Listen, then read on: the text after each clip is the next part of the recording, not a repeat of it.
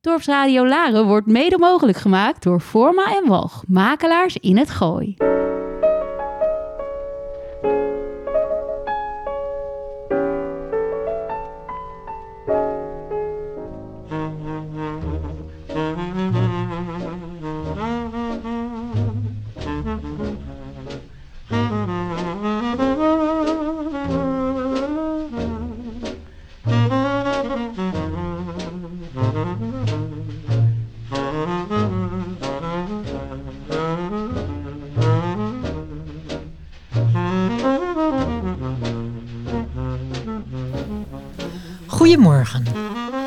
Welkom bij Praatvogels, aflevering 13.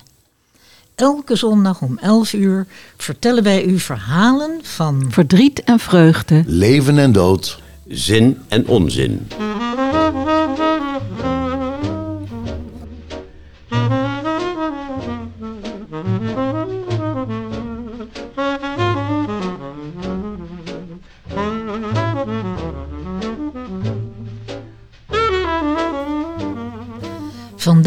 Kunnen wij ons warmen aan het zonnige karakter van levensgenieter Levi Weemoed.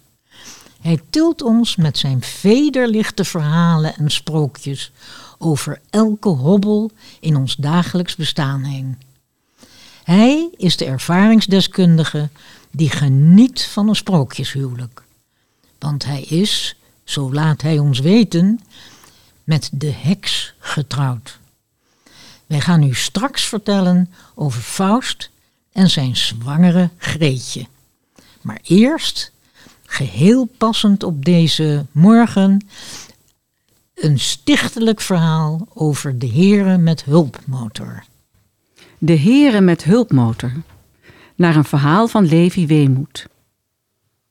Behalve op het brede zadel vieze zure winden naar achteren laten, kon jij, mijn neef, op de Solex ook nog maximumsnelheden van 35 km per uur langdurig volhouden. Al schaamde jij je er niet voor om op kritieke momenten vinnig bij te trappen. Beide vaardigheden waren voor mij, jouw nichtje, zonder steun achterop, onaangename bijkomstigheden in een grandioos festijn van snelheid en gevaar. In hoeveel heldinnen voelde ik mij niet veranderen als ik mij maar met de grootste moeite vast kon klemmen aan de zo diep mogelijk vooroverliggende gestalte. Voor niks had ik dit willen missen. Direct nadat mijn moeder dit prachtapparaat had aangeschaft, draaide jij stil en bewonderend om het ding heen. Ik was vijf jaar jonger, maar ik kon me geheel in deze aanbidding verplaatsen. De diepzwarte tank voorop, de glimmende sierbeugel daaromheen en, en het goudgele plastic plaatje dat als een trotse hanekam het beeld van macht en motoriek voltooide. Op aandringen van jou zeurde ik mijn moeder net zo lang aan haar kop tot ze bezweek. We mochten. Op voorwaarde dat ik iedere rit meeging en de Solex geen minuut onbeheerd zou achterlaten. Onderpand of niet, ik was geweldig trots op mijn succes. En de volgende avond snorden we ons eerste rondje om de Suriname-singel met mijn moeder bij de uitgang van de steeg, dus recht en vroom, zonder merkwaardige acrobatiek die zou volgen toen zij met een gerust hart weer in de keuken verdwenen was. Het waren zachte zomeravonden. Uitnodigend tot lange tochten tegen schitterende avondluchten. Maar bij fraaie vergezichten lag ons hart niet. Eerst even schudden en aan het klotsen van de brandstof in de tank afluisteren hoeveel kilometers deze avond binnen bereik lagen. Dat vreemde geluksgevoel wanneer de tank propvol was. Dan week de horizon terug tot Schipsluiden, Den Hoorn, De Lier, Westerlee en, en dan via Maasluis weer huiswaarts. Snerpende kou op het einde van de tocht in mijn korte rokje en mijn dunne shirtje. Maar de poolreizigers houden moedig vol. Bevroren wimpers, geen enkel gevoel meer in handen of voeten en alle honden opgegeten, ook die lieve met zijn zachte bruine vacht. Maar ze bereikten op het laatst de bewoonde wereld. We hadden die avond te roekeloos de grote tocht gewaagd. Even klotsen, klots, klots, klotsen. Hm, hm, hm. Ja, had een bijna lege bijklank. De tank was hooguit uh, maar half vol. Maar we gingen ervoor. Ja, dan had je ook wel wat zuiniger kunnen rijden, hè? En niet de hele weg de hendel zo fanatiek vastklemmen. Kijk, bij de rotonde van Westerlee had jij het al behoorlijk koud. En als ik dan rechtop zat, ging jij op de stepje staan om over mijn schouder het nog te verwerken traject af te turen. Onderwijl liet ik mijn bevroren benen één voor één naar achteren wapperen. De Solex liep een beetje beroerd die avond. Haperingen, sputterende plofjes en soms een benauwd lang inhouden. En dan kwam jouw nijdige reactie. Nou, lopen, kreng! En dan met je benen het metertje opwinden, razend en slingerend, zodat ik plotseling alle kou vergat en ik me aan je lijf moest klemmen als een, als een rodeo-rijder aan een dolle mustang. Ja, zo waren we Maasluis doorgereden. De Maasluise molen voorbijgereden. En voor ons lag de eindeloze Maasluisse dek in de vochtige avondkou. Dat nukkige, proestende apparaat... Waarop dat... jij als een duivel tekeer ging. Kippenvel trok over mijn hele lijf. Maar toch gloeide mijn hoofd van angstige gedachten. Zouden we het voor het donker halen? Ik, ik, ik had een week daarvoor het verhaal gelezen van de Vliegende Hollander. Die arme kapitein die gedoemd was om eeuwig te blijven zwerven. Als we nou eens voor de rest van ons leven de Maasluise dijk heen en weer moesten rijden en nooit meer thuiskomen. Als straf, omdat we niet geluisterd hadden naar mijn moeder, dat we niet te ver moesten gaan. Nou, dat akelige vooruitzicht werd verjaagd door het plotseling weer regelmatig snorren van de Solex. De opstekende zuidwesterwind was ongenadig. Voorbij de eerste scherpe bocht in de dijk had ik al gezien op de kilometerteller dat het naaldje tegen de 35 km per uur drukte. Ja, jij zat toen minder gespannen, hè? Achterover in de wind. En ik hoorde je zingen. Ik hing over je schouder, sloeg links en rechts een been uit. We hadden op de dijk nog geen verkeer gezien. Nog niet eens een tractor. Jammer. Want nu onze machine zo gesmeerd liep, begonnen we te verlangen naar de manoeuvres die we de andere avonden bedachten. Ja, menig tuindersvloek had geklonken, hè? Als jij op een Westlands binnenweggetje doodgemoedereerd de tegenligger op de linkerhelft van de weg tegemoet kwam en op het allerlaatste moment overschieten. Ja, gevaarlijk vond ik dat zelf. Zo snel was die Solex ook weer niet. Meestal werd er dan door die tuinder krachtig geremd en, en gelukkig kon er op die paadjes moeilijk met een auto gekeerd worden.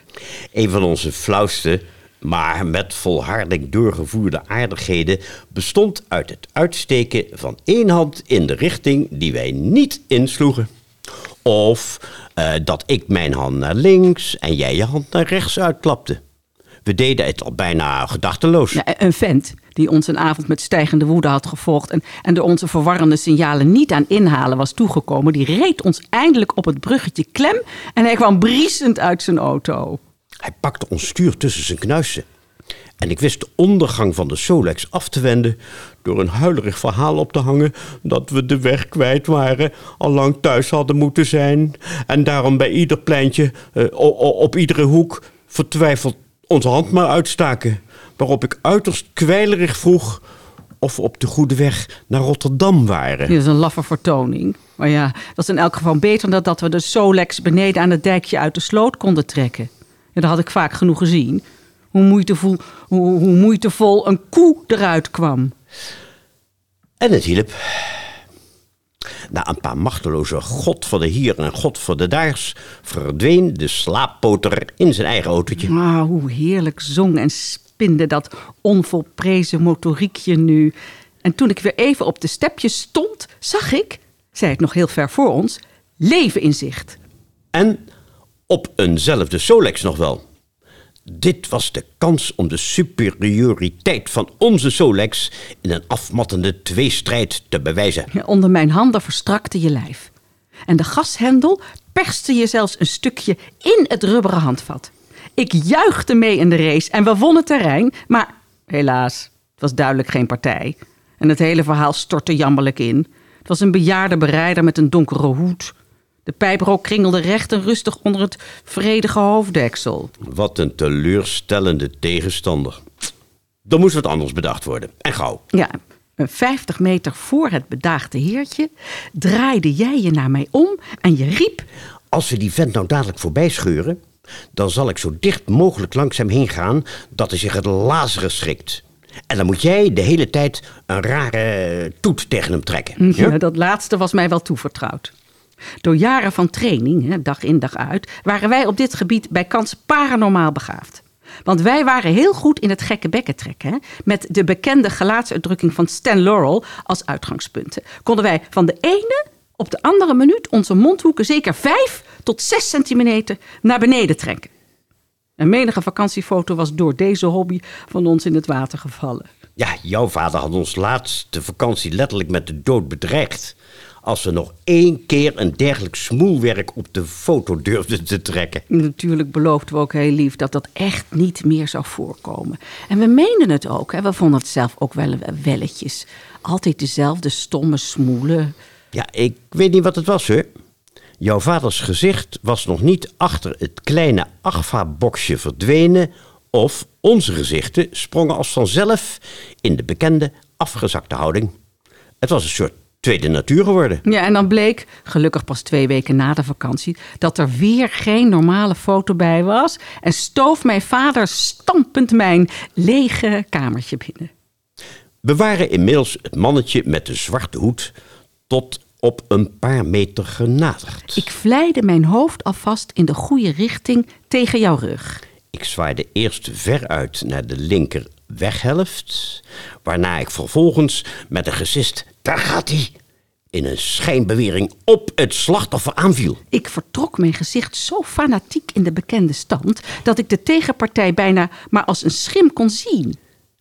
Hij moest wel van zijn vervoersmiddel rollen van schrik. En jij zou ons toestel weer hard optrekken. En wij zouden lachend en ongrijpbaar voor de woedende oude man onze tocht vervolgen. En precies op dat moment smoorde de Solex. En begon het motortje te hoesten. Onmiddellijk liet ik mijn masker vallen. En keek op nog geen meter afstand in het verbaasde gezicht van een oud heertje met een pijp in zijn mondhoek.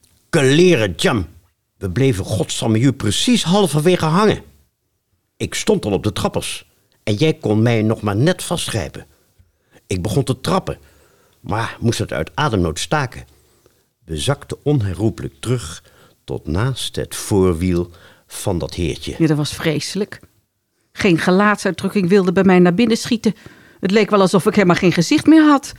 En nog veel verschrikkelijker was het onheilspellende zwijgen van die sombere schaduw die aan mijn zijde kleefde. Ik kneep in jouw rondmalende benen. Je ging als een gek op de trappers tekeer. Enige wanhopige meters werden nog veroverd, maar toen slingerde de Solex als een versufte hommel de berm in, bleef liggen, met het voorwiel in een greppel. En wij natuurlijk trillend en bevend ernaast. Klaar voor een terechtstelling. Het mannetje was al snel op onze plek, doofde zijn eigen Solex, zette hem bedaard vlak boven de onze op de standaard en even rustig kwam hij op ons toe. Vlak voor ons pakte hij uit zijn binnenzak een klein boekje, bladerde er even in en zei ons te gaan zitten. Maar we zaten toch al? Het gras was koud van de avonddamp. En toen zei het mannetje: Ik lees jullie, kinderen, een klein stukje voor uit het Samuel 26, vers 16, waar dan staat: Deze zaak die gij gedaan hebt is niet goed, zo waarachtig als de Heere leeft. En verder nog iets over een uh, spies des konings. Toen stopte het mannetje het boekje weer in zijn zak en draaide zich om. Vast en zeker om die spies te halen. Hij was al terug bij zijn Solex, haalde uit de zijtas een merkwaardig ding. We durfden er niet naar te kijken. Ik had gewoon geen benen meer van angst. Met een langwerpig ding liep de man naar onze gestrande Solex. Trok hem uit de greppel, zette hem naast die van hem op de standaard en toen schroefde hij de benzinedop van de tank. Deed precies zo bij die van hem, liet het projectiel naar binnen zakken en stak het uiteinde in zijn mond. En direct daarop haalde hij het weer snel uit zijn mond en verbond de beide Solexen met elkaar. Het duurde lang voordat we durfden te zien wat we zagen. De doppen zaten er weer op. De man kwam naar ons toe, zoals we daar bewegeloos in het natte gras zaten. En hij legde zijn hand op onze hoofden en hij zei... Gaat in vrede, gij ontvangt de zegen des Heren. Amen.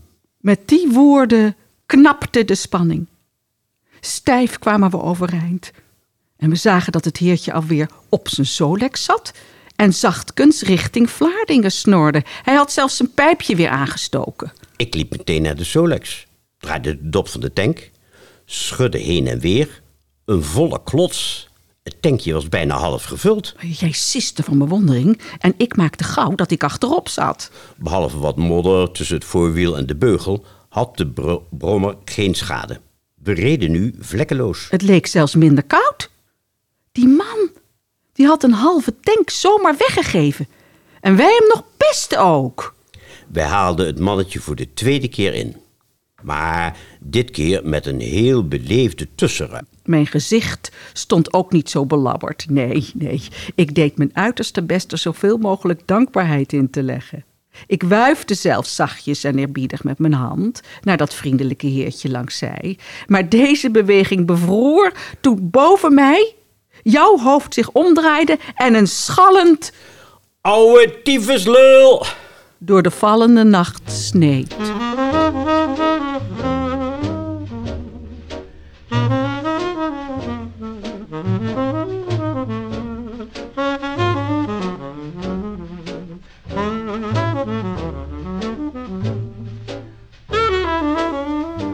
Hoe Greetje gered werd naar een verhaal van Levi Weemoed. Korte inhoud van het voorafgaande. Greetje is door Faust, die haar onder de valse naam Hendrik het hof heeft gemaakt, zwanger geraakt en verlaten. Eigenlijk is het allemaal Mephistopheles zijn schuld. Die had Faust betoverd, zodat deze in het eerste de beste dorpsmeisje de schone Helena van Troje zag. Wat zo leuk begon, lijkt nu wel haast in een drama te verkeren. Tenminste, voor wie het leven door een ouderwets sombere bril beziet. Faust heeft en passant Gre- Greetjes broer doodgestoken en Greetje zelf zucht in de kerker. Ze wacht op haar doodvonnis, omdat ze haar kindje uit wanhoop heeft omgebracht. Radeloos ligt ze op haar leger aan zinsbegoogelingen ten prooi. Aan gevangenissen is ook nog wel het een en ander te verbeteren. Hendrik en haar kindje malen in haar gedachten. Een prachtige kluif, maatschappelijk werk, ligt hier zomaar voor het oprapen. Zal de hulpverlener Ivo Piekhaar van het MOB te Winschoten erin slagen Greetjes contactarmoede te genezen? Daar, daar komt hij al op. Een nieuw ver- hulpverlenend werkje onder de arm. Gids voor gescheiden mensen heet het. Het kan uitstekend dienst doen als leidraad bij hun dagelijks groepsgesprek. Hier vangt het aan. Per jaar worden in Nederland ongeveer 21.000 huwelijken ontbonden. Daarnaast gaan veel mensen uit elkaar die niet getrouwd zijn geweest, maar wel hebben samengewoond. Veel gescheiden mensen vinden dat ze het maar slecht doen nadat hun partner weg is. Dikwijls verwijten zij zichzelf bijvoorbeeld niet vlug genoeg in hun gewone doen terug te keren. Of geen raad te weten met de kinderen. Veel narigheid kan voorkomen worden als je als gescheiden mens of ouder er vroeg genoeg bij bent om met jezelf aan het werk te gaan. Zoals bij Greetje hier. Doe, Greetje, hoe staat het leven? Mijn moeder, de hoer die mij omgebracht heeft. Mijn vader, de schurk die mij gegeten heeft. Mijn zustertje kwam, die de beentjes nam onder een koele steen. Toen werd ik een vogeltje op een stam. Ik, ik vlieg heen, ik, ik vlieg heen. Oh, oh, ze komen. Bittere dood. Als jij een mens bent, voel dan voor mijn nood. Goedemorgen, Greetje. Je hebt het moeilijk, hè? De scheiding blijft je gedachtenwereld maar beheersen, hè? En zoals je zelf al aangeeft, kennissen en vrienden en familie scheiden mee. Geen wonder dat je niet zo lekker voelt, hè? Dat hoort nu eenmaal bij het afscheid nemen van een situatie die tot dusver heel belangrijk in je leven is geweest. Dat je nog nagedacht hebt over wat wij gisteren samen besproken hebben. Over die perfecte afscheidsbrief aan je ex-genoot. We kwamen toen samen tot de conclusie dat de waarde van het schrijven van zo'n afscheidsbrief ligt in het onder woorden brengen van wat je dwars zit. En het op een rijtje zetten van belangrijke boodschappen over het verleden. En plannen voor de toekomst. Zo jong ben ik nog. Zo jong ben ik nog en moet al sterven. Mooi was ik ook. Dat bracht mij ten verderven. De vriend was bij mij en, en nu niet meer. Gebroken ligt de krans, de bloemen ter neer. Ja, Greetje, een scheiding kan hard aankomen. Zeker als de ander plotseling wegvalt. Die ander is dan iemand die je bewondert, vertrouwt, respecteert, wil koesteren.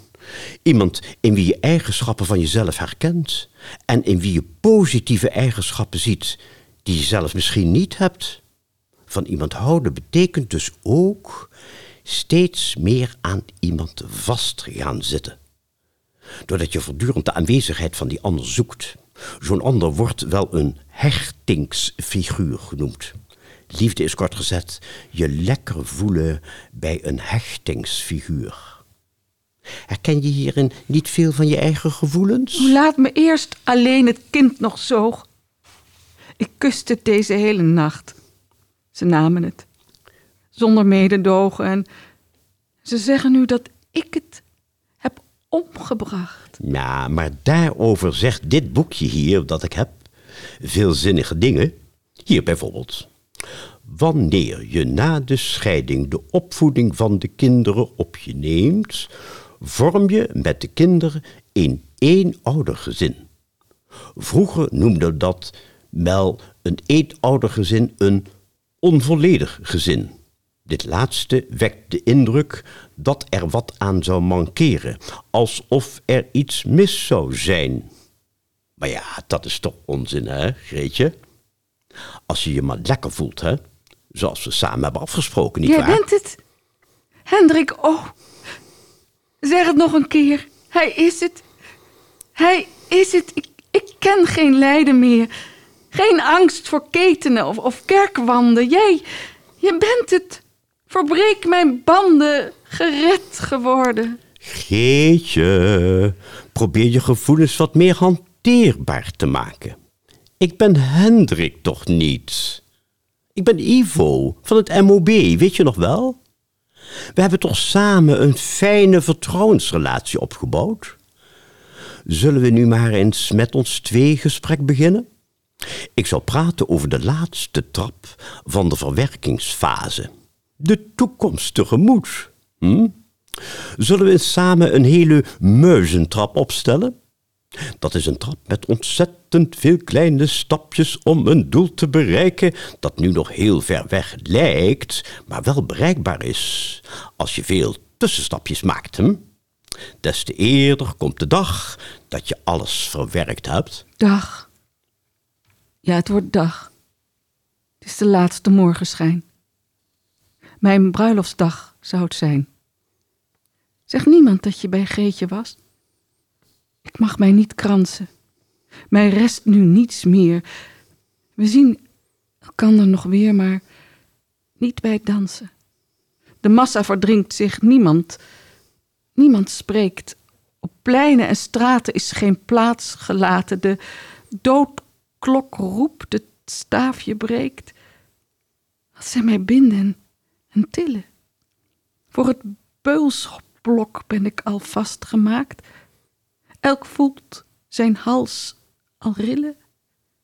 Voor het lemmet dat de mijne raakt, stom ligt de wereld als het graf. Oh, hallo, dag. Hoi. Eh, Ivo Pikaar, uh, volwassene werker. Mephistopheles, kennis van Greetje, dat noem ik sterk. Ik zit namelijk ook in het maatschappelijk werk. Ah, aardig zeg, dat je even binnenvalt.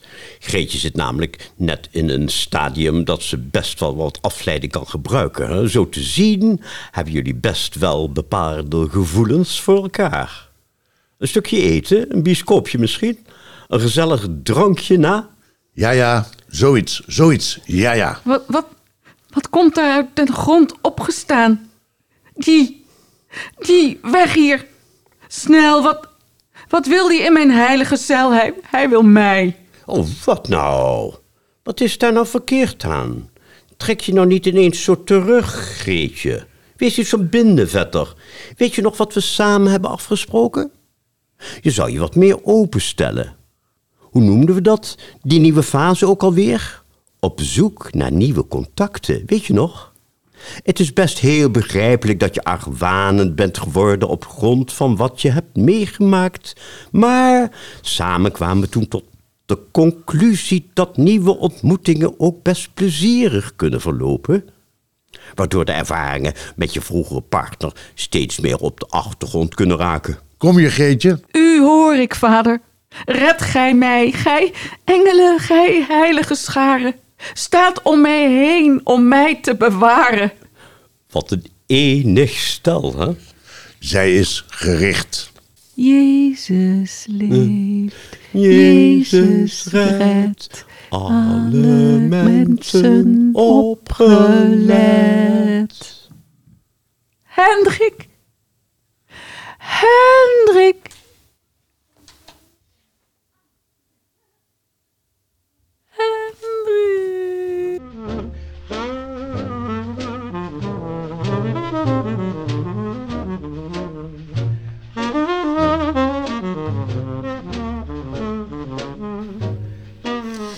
Was aflevering 13.